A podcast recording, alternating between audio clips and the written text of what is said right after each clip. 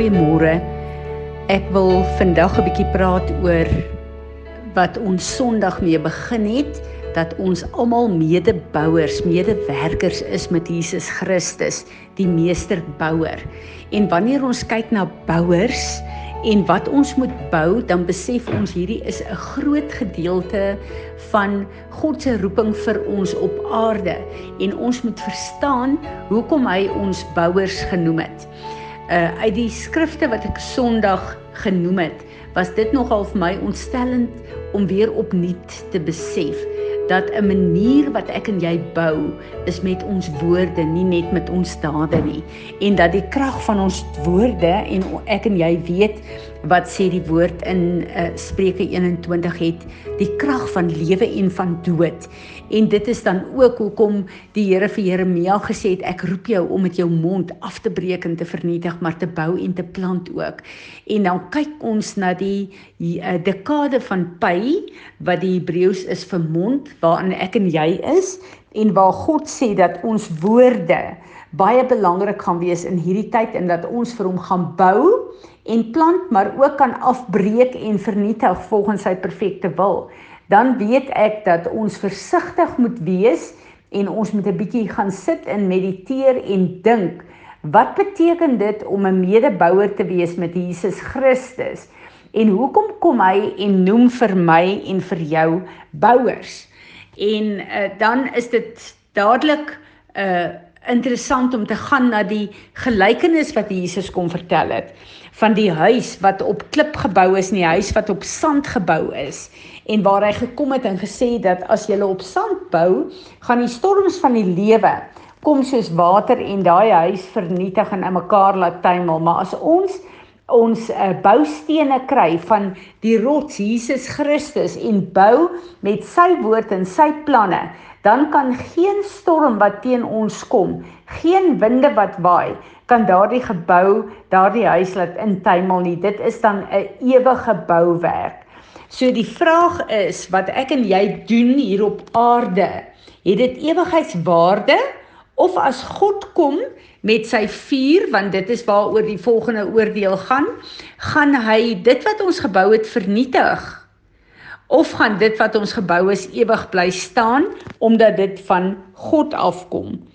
Nou een van die skrifte wat vir my uh uitstaan hier buiten die uh hele begrip dat ons bou, uh ons bou in die eerste plek in ons eie lewe, dan in God se koninkryk en ander mense se lewens uh in die tempel van God, die liggaam van van uh Jesus Christus en ons kan later daarna kyk, maar ek wil eers 'n skrif wat vir my ehm um, regtig so uh, duidelik uitstaan in hierdie tyd vir julle kom lees. Dit is in Jude, uh, Jude 1 verse 20 to 21. But you beloved, build yourselves up on the foundation of your most holy faith. Continually progress Rise like an edifice higher and higher. Pray in the Holy Spirit and keep yourselves in the love of God, waiting anxiously and looking forward to the mercy of our Lord Jesus Christ, which will bring you to eternal life. Nou as ons hier kyk, dan sê hy ons het 'n fondasie. Ons weet ons fondasie is Jesus Christus. Maar dan sê hy ons moet uh, gedurig hoër en hoër bou. En dan kom hy en hy kom gee vir ons raad en baie belangrike uh um toerusting. Pray in the Holy Spirit and keep yourselves in the love of God. Nou as ons kyk na hierdie twee, ek wil amper sê um plekke van materiaal van bou, dan besef ons dat uh, uh Judas sê hier in hierdie boek dat ek en jy moet onsself opbou. So ek en jy is bouers in die eerste plek in ons eie lewe. Hoekom is dit so belangrik? Want as ek en jy gebou word volgens God se blou bouplanne en lyk soos God wil hê ons moet lyk, dan kan ons daai steen wees in uh, die boek van Petrus wat presies gekap word en gevorm word deur sy woord om in te pas in sy tempel, in sy liggaam om 'n 'n 'n stewige gebou hier op aarde te wees vir God. Maar as ek en jy nie heel eerste verstaan dat die bouwerk wat ons doen, moet ons heel eerste in ons lewe doen, want as ons dit nie in ons lewe doen nie, dan gaan ons nie materiaal hê om te bou soos wat God wil hê ons moet bou in ander mense se lewens nie. En uh ek dink hierdie is so belangrik uh want as ek luister en kyk na na wat party mense sê en hoe onverantwoordelik hulle met hulle monde is en hoe hulle mense afbreek, hoe hulle skinder, hoe hulle kritiseer, hoe hulle judge, dan besef ek dat uh sulke persone is nie regtig opgebou uh deur hulle eie keuse in dit wat die Here wil hê ons moet wees nie. So as ons kyk na na hierdie uh skrif uh wat hy vir ons gee, ehm um, bou jouself op, dan weet ons nou, ons het gesien in hierdie skrif die liefde van God is die hele wese van hoe ons moet bou, maar dan ook bou jouself op in die Heilige Gees. En dis baie interessant as ons kyk na uh, wat die die uh, woord vir ons leer uh dat uh, uh 1 Korintiërs 14 vers 4 sê dat tongues are for spiritual edification. So wanneer ek en jy in tale bid, dan is ons nie net besig om God se perfekte wil te bid nie, maar ek en jy bou onsself op in geloof. Dit is wat die boek van Juda praat van ons moet ons opbou in hierdie geloof in in uh, uh op 'n plek waar God waar ons God behaag en waar God ons kan gebruik vir waar hy ons geroep het om te werk. Uh dis belangrik om te weet dat dat uh uh die gebed in tale is een van die belangrikste plekke want ons bid in die gees en terwyl ons in die gees bid bou ons ons geloof op maar die uh woord sê ook dat wanneer ek en jy in tale bid dan kom ons en ons trek letterlik die die mysteries, die geheimenisse van God vanuit die gees af in ons eie lewens en op aarde. Dan kom hy ook en hy sê vir ons in in 'n uh, uh, sy woord dat as ek en jy onsself opbou in die Heilige Gees. Johannes 16 vers 13 en 15 sê dat uh, die Heilige Gees wys vir ons dan dinge wat nog moet kom. Ons kry 'n visie en 'n insig in die toekoms. Maar hy sê ook in Johannes 16 dat hy lei ons dan in alle waarheid in.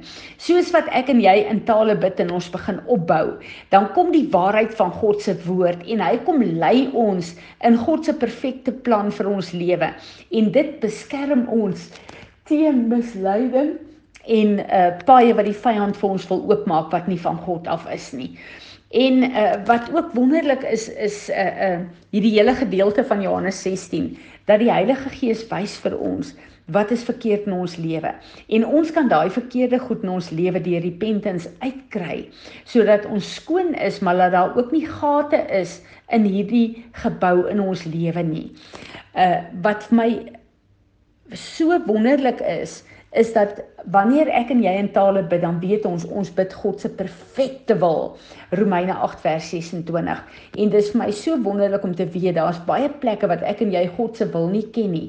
Maar as ek en jy in tale bid, dan openbaar hy sy wil vir ons sonder dat ons dit uh, eintlik eers weet. En dan uh, is die dinge wat ek en jy moet besluit en doen in God se plan vir ons lewens. Ehm um, wat ook wonderlik is is dat hoe meer ek en jy in tale bid en onsself opbou in geloof, hoe meer word ons afgesny van die uh, besmetting uh, van die wêreld en dit sien ons duidelik in 1 Korintiërs 14 vers 28.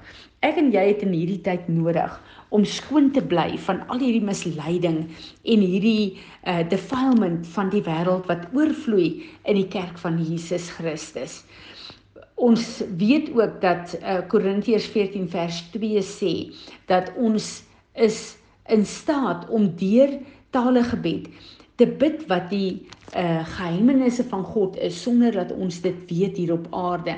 En dan skielik begin ons dinge doen en sê en dink wat ons dink dit is uit onsself uit maar dit is nie. Dit is uh, God wat dit vir ons openbaar. Wanneer ek en jy in 'n tyd is waar ons moeg en afgemat is, waar ons vies is, waar daar sekere goed in ons lewe is wat uh ons somme net uh mat en tam maak. Om in tale te begin bid. Dit gee vir jou letterlik 'n verkoeking. Jesaja 28 vers 11 tot 12 sê so duidelik, ons word verkoop. Wanneer ek en jy in die gees bid uh, vir 'n tyd, dan voel jy net hoe daar skielik 'n 'n nuwe krag in jou kom en nuwe moed in jou kom en uh, waar jy nie weet hoe dit gebeur nie, maar jy weet net, jy voel jy het weer kans om aan te gaan in uh, baie dinge. Uh ons weet ook dat al die seëninge wat God vir ons gee. Ek en jy is nie in staat om met menslike woorde regtig waar vir hom dankie te kan sê nie. Wanneer ons dan kom en in tale begin bid en uh, sy seëninge vir ons oplig, dan is dit 'n perfekte manier om hom in die taal wat hy vir ons gegee het dankie te kan sê en dit bring so 'n nuwe vlak van dankbaarheid in ons lewens in.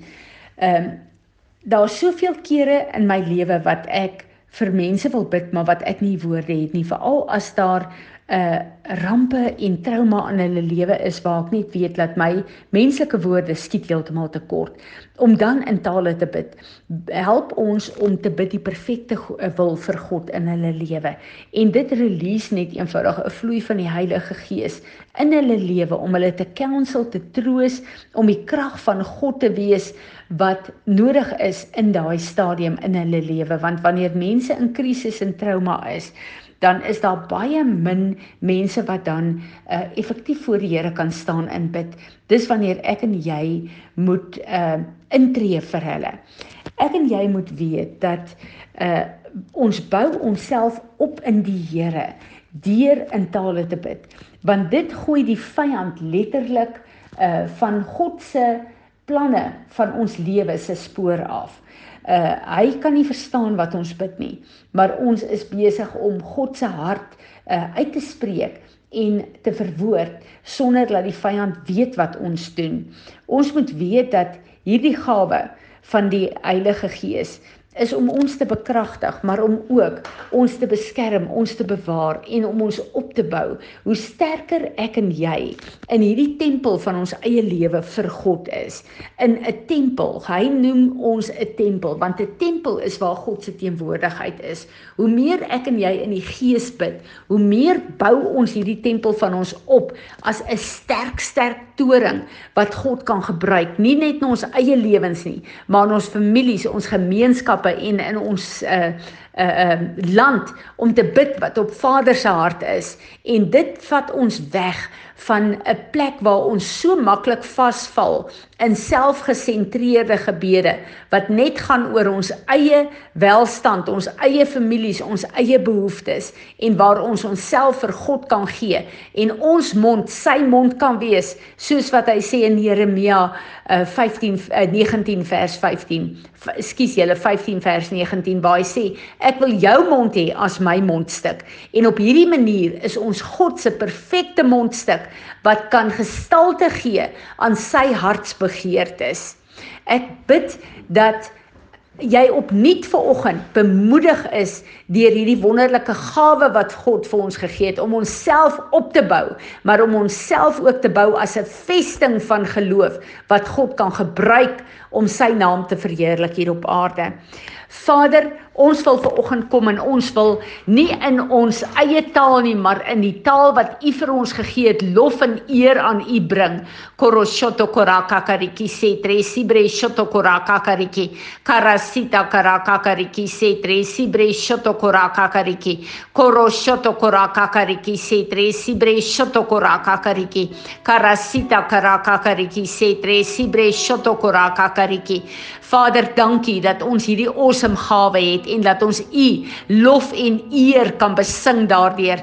Dankie dat ons met danksegging in hierdie taal kan kom en sê Here, ons woorde op aarde is te min om vir U dankie te sê vir wie U is en vir al hierdie gawes wat U so mildelik oor ons uitstort. Maar ons wil kom en Here Jesus, ons wil buig voor U in aanbidding en sê dankie dat U ons teruggekoop het met U offer op die altaar tot in alle ewigheid Golgotha word verheerlik in hierdie dag deur ons lewens. Amen.